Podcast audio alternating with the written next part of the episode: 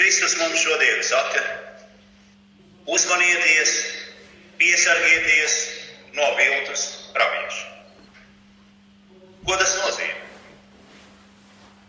Tas nozīmē, ka briesmas ir reālas, tās ir ļoti lielas un tādas, kas parasti netiek pamanītas.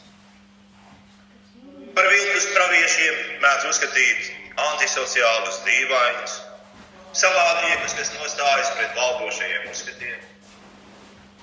Tomēr patiesībā viss parasti ir tieši otrādi.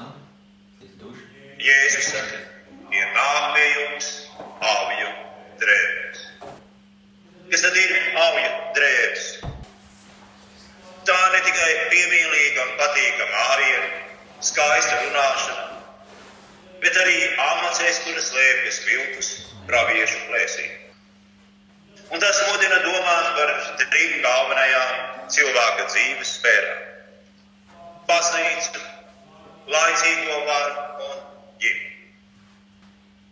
Protams, viltus pravieši darbojas vispirms baznīcā, bet viņu darbība ietekmē arī sabiedrisko un ģimenes dzīvi. Un ietekmē daudz lielākā mērā nekā mēs parasti to pieļaujam. Kāds tad ir stāvoklis lielākajā daļā mūsdienu kristietības? Vai varam to uzskatīt par sabiedroto kristīgās mācības apliecināšanā, vai arī tā sevī slēpj grūtāk pamanāmas, bet tomēr nopietnas traumas? Lai atbildētu uz šo jautājumu, par kritēriju mēs izvēlēsimies mācību par Dievu, mācību par Dievu trīsvienu. Jo tas ir standarts, kam piekrīt gandrīz visi, kuri sevi uzskata par kristiešu. Un tādēļ nav pārsteigums, ka daudzas baznīcas apliecina, ka tās tic trīsvienīgajam Dievam. Un tomēr Jēzus brīdi, ka vienmēr nevar ticēt tam, ko kāds saka. Bet sacītais ir jāpārbauda. Un pastarajā dienā Jēzus atklāsies, ka daudzi no tiem, kuri sauca viņu par kūku, pravietojam darīja brīnums, patiesībā ir ļaundari, kas neies debesu valstī. Atanāsija ticības apliecībā, kur apkopota senās katoliskās baznīcas mācība par Dieva trīsvienību, ir sacīts, ka tie, kas tic citādi, ies mūžīgā pazušana. Un tie ir ļoti nopietni, biedinoši vārdi, kas liek Dieva tautai būt ārkārtīgi uzmanīgai piesacībai. Jo nec Jēzus, nec baznīcas tēvi šos vārdus nesacīja bez nopietnas vajadzības. Kā tad patiesībā ir ar mācību par Dievu, par trīsvienīgo Dievu? Apgaismības laikmets 18. un 19. gadsimtā atnesa daudzas pārmaiņas iepriekšējos teoloģiskajos uzskatos. Attiecībā uz mācību par Dievu galvenais bija jautājums par to, kā Dievs darbojas šajā pasaulē. Ir saistīts ar šo pasauli. Vieni uzskatīja, ka Dievs vispār nekādi vairs nav klātesošs šīs pasaules norisēs. Citu atbilde bija, ka Dievs iesaistoties attiecībās ar šo pasauli, nevar palikt šo attiecību neietekmēts. Un tādēļ nenovēršami ir pakļauts pārmaiņām un ciešanām. Tas pamatojās pieņēmumā, ka Dievs ir ar prātu saprotams, izzināms un ir pēc savas būtības līdzīgs savai radībai, cilvēkam. Proti, Dievs ir līdzīgs mums, nu tikai Viņš ir mūsu īpašība augstākā pakāpē. Nu, piemēram, mēs esam personas, Dievs ir augstākā persona, kāda iedomā. Mēs esam varani, Dievs ir visvarens. Mēs zinām daudz, Dievs zina visu. 20. gadsimtā līdz ar atjaunotu interesi par trīsvienības mācību, Šie uzskati nostiprinājās vairākās jaunās teorijas.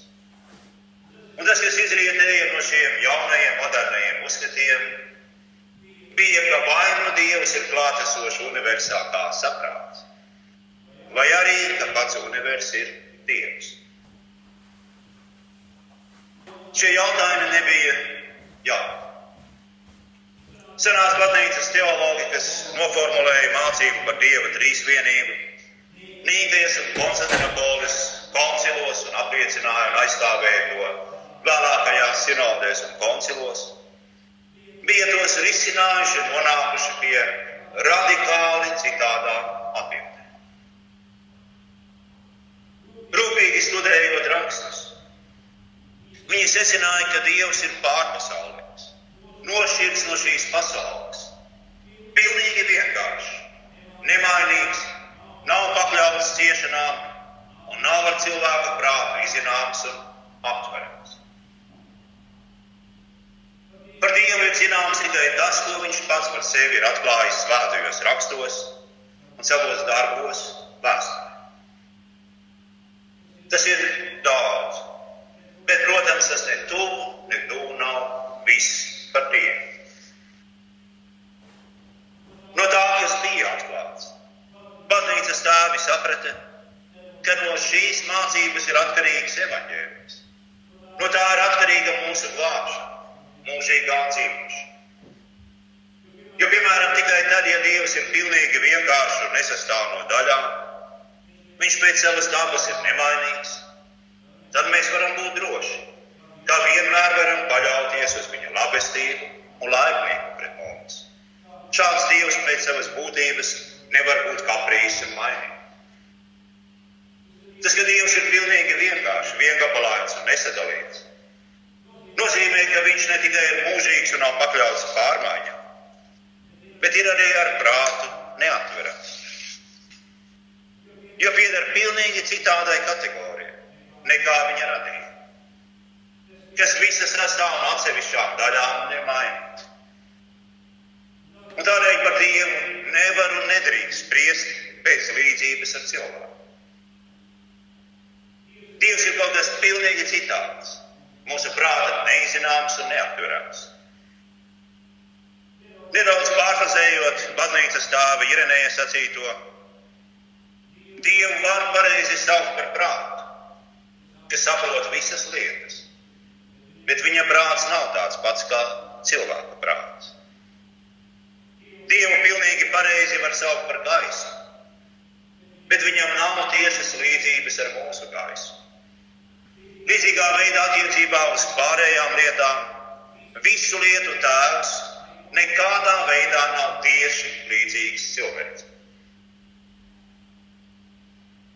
Šādi formulējumi nepieciešamajā līmenī ļāva saprast un sargāt evaņģēliju, grēku piedošanu, mūsu glābšanu. Jauno laiku teoloģija to visu noraidīja. Un noraidīja kā Bībelē neatbilstošu grieķu metafiziku. Vārds metafizika nāk no grieķu filozofa Aristoteļa darba. Burtiski tas nozīmē pēc fizikas. Šajā vārdā bija nosaukta Aristoteļa grāmata, kas sakoja pēc fizikas grāmatā. Un tajā bija apskatītas spekulatīvas idejas par esamību, cēlonību, formu, matēriju, matemātisko objektu esamību un kosmosu. Metafizika kļuva par filozofijas atzaru, kas meklē atbildes uz jautājumiem, par visesošā sākotnējiem pamatiem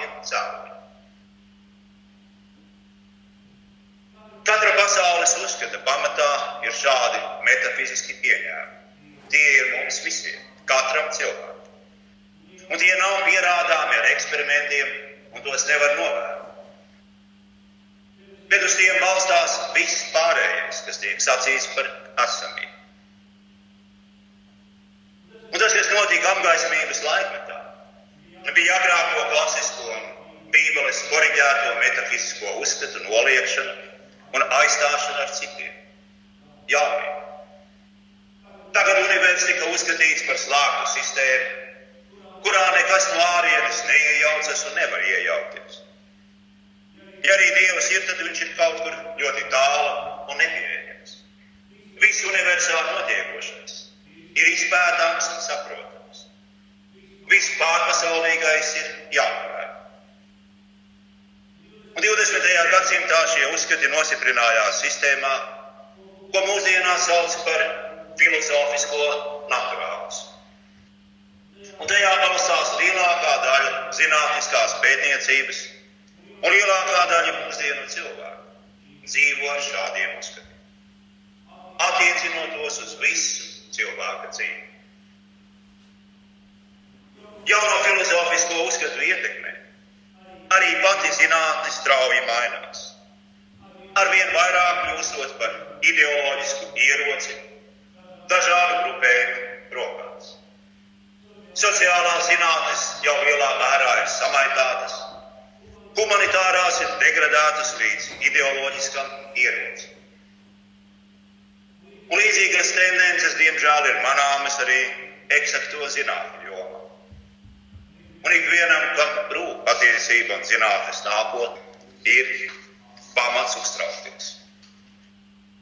Bez šaubām šie jaunie uzskati ietekmē arī izpratni par Bībeli un tās pētniecību.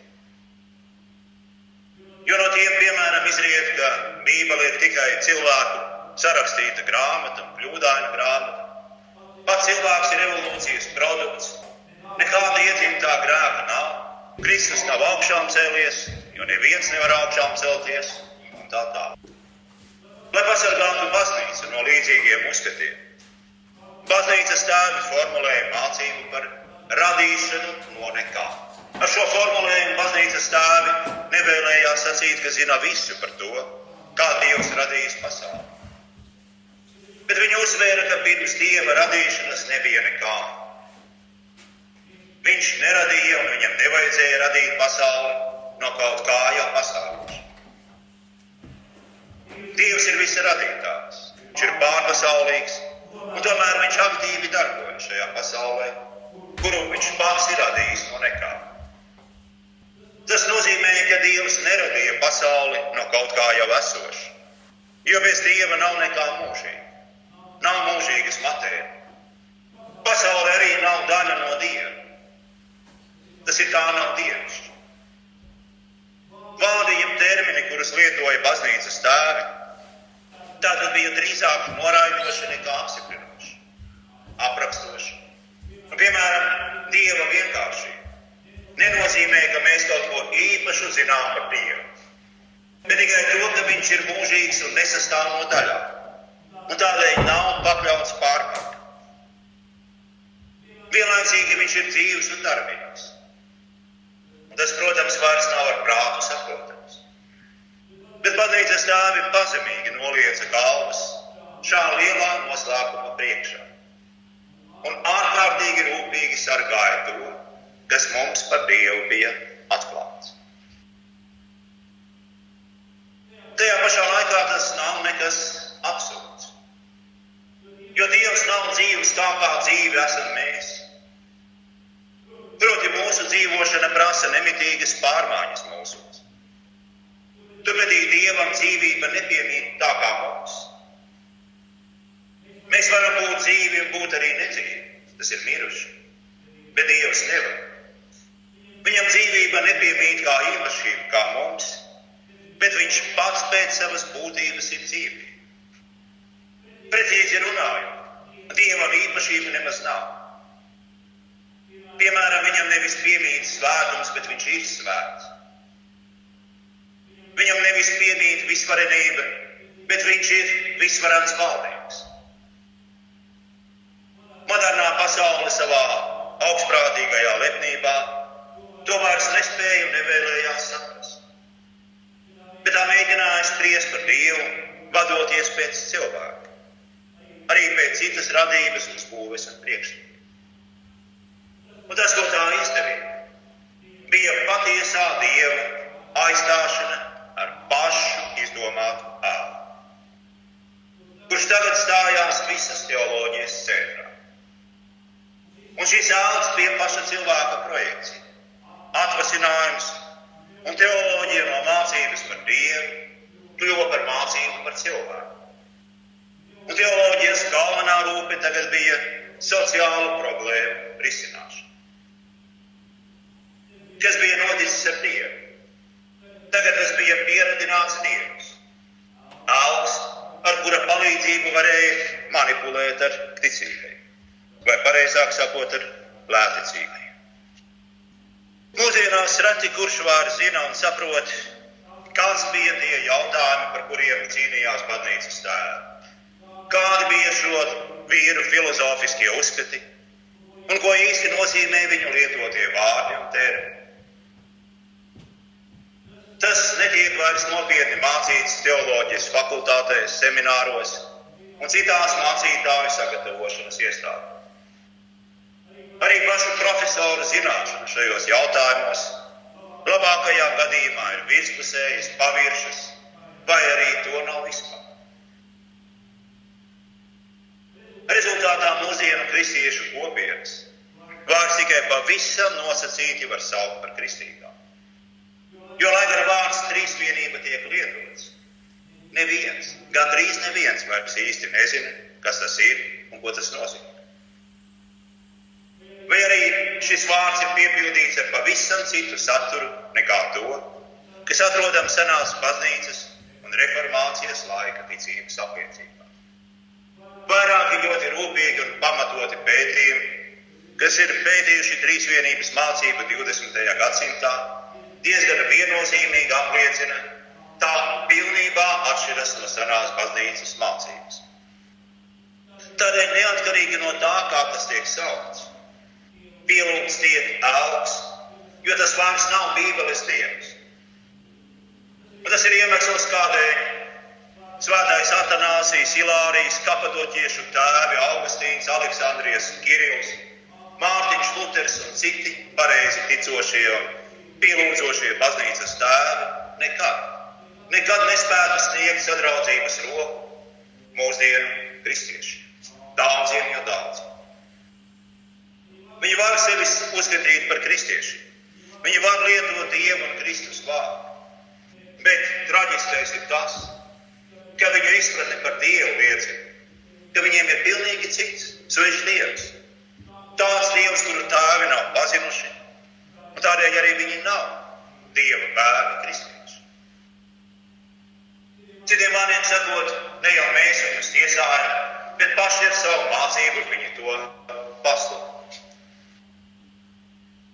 Malīgā, trīsvienīgā Dieva izpratne rada neskaitāmus izkropļojumus arī citos mācības jautājumos, un evaņģēlīja vietā stājas uz laicīgo dzīvi orientēts reliģiskās filozofijas surrogāts, kā patiesībā nav īsta satura jēgas. Tas ir pagājis. Nav arī šaubu, ka maldu mācība par Dievu ir radījusi izkropļojumus praktiski visās laicīgās dzīves sfērās. Viss, ko mēs tik lepni uztveram kā sasniegumus, kā jaunu un modernu, pa lielākai daļai ir korumpēta samaitātība. Tas notiek valsts pārvaldē, ģimenes un laulības izpratnē. Metafiziskie uzskati, kas ir mūsdienu zinātnes, izglītības, baznīcas mācības un cilvēku dzīves pamatā, nav nekas cits kā seni pagāniski priekšstati. To visu jūs atradīsiet 3 un 4 tūkstoši, 2, 3, 4 tūkstoši gadus senos rakstos un uzskatos. Un tie tagad ir stājušies kristīgās ticības vietā kā kaut kas īpaši jauns un brīnišķīgs sasniegums. Tas ir iespējams tikai tādēļ, ka cilvēki ir ārkārtīgi maz zinoši par šīm lietām, ārkārtīgi vāji izglītoti. Un cilvēki ir pārliecināti, ka pakļaujoties šiem maldiem, tie vienlaicīgi ir zinoši, gudri, izglītoti un pavisam krietni un labi cilvēki. Bet, nu, vai, piemēram, mūsdienu zinātne tomēr nav pierādījusi sevi, padarot mūsu dzīvi daudz labāku. Kurš no mums gribētu dzīvot 300, 400 gadus atpakaļ? Un, protams, nav pareizi pilnībā noraidīt tādas cilvēku darbības jomas kā zinātnē. Tomēr no pašas zinātnes mēs varam mācīties kritisku attieksmi pret visu. Tas ir zinātnes pamats. Tajā skaitā arī kritisku attieksmi pret zinātni pašu. Neiedziļinoties detaļās, nav grūti ievērot, ka mūsdienu zinātne lielā mērā līdzinās sportistam, kurš ir izmantojis visus iespējamos dopinga preparātus un tagad skrien un skrien ātrāk par visiem. Bet uz kurienes skrien? Tas īsti zināms nav. Vai sasniegs mērķi? Arī tas nav zināms. Skrien, skrien, skrien ātri, bet uz kurieni un vai sasniegs mērķi? Nezinām. Tomēr visnotaļ ticams ir tas, ka pat tad, ja kaut kāds mērķis tiks sasniegts, beigu beigās skrējējs sabruks, jo visi viņa iekšējie resursi būs izsmēti. Tā ir kopēja vispārīga aina, kas ir bēdīga. Jo tiek neprātīgi iztērēti ne tikai tie resursi, kas ir nepieciešami citām lietām, bet nav tālu arī brīdis, kad mums vispār vairs to nebūs. Būs palikusi tikai izmantota, piesārņota zemeslode. Zārājs arī kādu brīdi izskatās tīri varants. Bet nākošajā rītā viņš ir nelaimīgs un bezpalīdzīgs. No varenības pāri ir palikusi tikai sāpoša galva. Šaubām zinātne nav slikta, bet tā nav nekas vairāk kā rīks. Un ar rīku ir jāprot rīkoties. Ja rāmuras ir naglas, tad viss ir daudz maz labi. Protams, kamēr netrāpa pa pirkstiem. Nu, bet ja rāmuras ir pa galvu, tad jau uzreiz ir skaidrs, ka labi vairs nav. Tad mēs āģējam uz ārpuskaru, kura paši sēž. Ir gandrīz lieki runāt par valsti un ģimeni. Noraidot Dievu kā valsts un ģimenes dibinātāju, vai savā prātā radot tādu Dievu, kurš ir pagāniska koncepcija. No valsts un ģimenes pāri paliek nekas vairāk par to, ko mēs mūsdienās uzskatām ir redzami. Drupas. Drupas, kurās norit mežoņu pagāniskās orģijas. Mīļie kristieši! Kad Dieva vārds mums aicina atgriezties no grēka un nemīlēt pasauli, bet mīlēt Dievu un savu tuvāku. Tas šķiet grūts, sāpīgs un nepatīkams aicinājums. Bet tas nav aicinājums uz fanātisku noliegumu. Tas ir aicinājums uz dzīvi, mīlestību, ticību un cerību. Tajā patiesajā nozīmē, ko šie vārdi īsti nozīmē. Tas ir aicinājums prom no nāves iznīcības un sabrukuma. Aicinājums pie Dieva žēlastības pilnajiem dzīvības avotiem, pie miera, prieka un līdzmības. Aicinājums pie Kristus evaņģēlija. Lai to nepazaudētu, ir nepieciešami izglītoti, zinoši, modri un uzticīgi kristieši, kuri par spīti vēlna pasaules un savas miesas prāta vilinājumiem turas uz šaurā dzīves ceļa. Un tas ir grūts darbs, ļoti grūts, kas prasa pūles un iedziļināšanos. Bet tas nav neiespējams darbs. Mēs šeit nerunājam par kaut ko ārkārtīgi sarežģītu un neiespējamu. Jautājums, par kuriem mēs runājam, spēj saprast ik viens vidusmēra cilvēks. Ja vien viņš, protams, to vēlas. Nezināšana, protams, nav grēks. Nevēlēšanās zināt, zināšana noliegums tāds ir. Bet šis mūsu šaurais ceļš ir svētīgs ceļš. Un darbs, kuru mēs darām, ir svētīgs darbs, kas notur uz patiesības ceļu. Un jūs jau esat uz šā ceļa. Un, lai gan tas ir šaurs un grūts ceļš, tas ir vienīgais ceļš, kurš ved uz dzīvību. Neļaujiet sevi maldināt. Neklausiet sirēnu vilinošajām balsīm, bet palieciet pie sava kunga un uzticīgi mācieties viņa vārdu. Jo viņa vārdā ir jūsu cerība, miers, svētlaime un jūsu nākotne. Citas nav.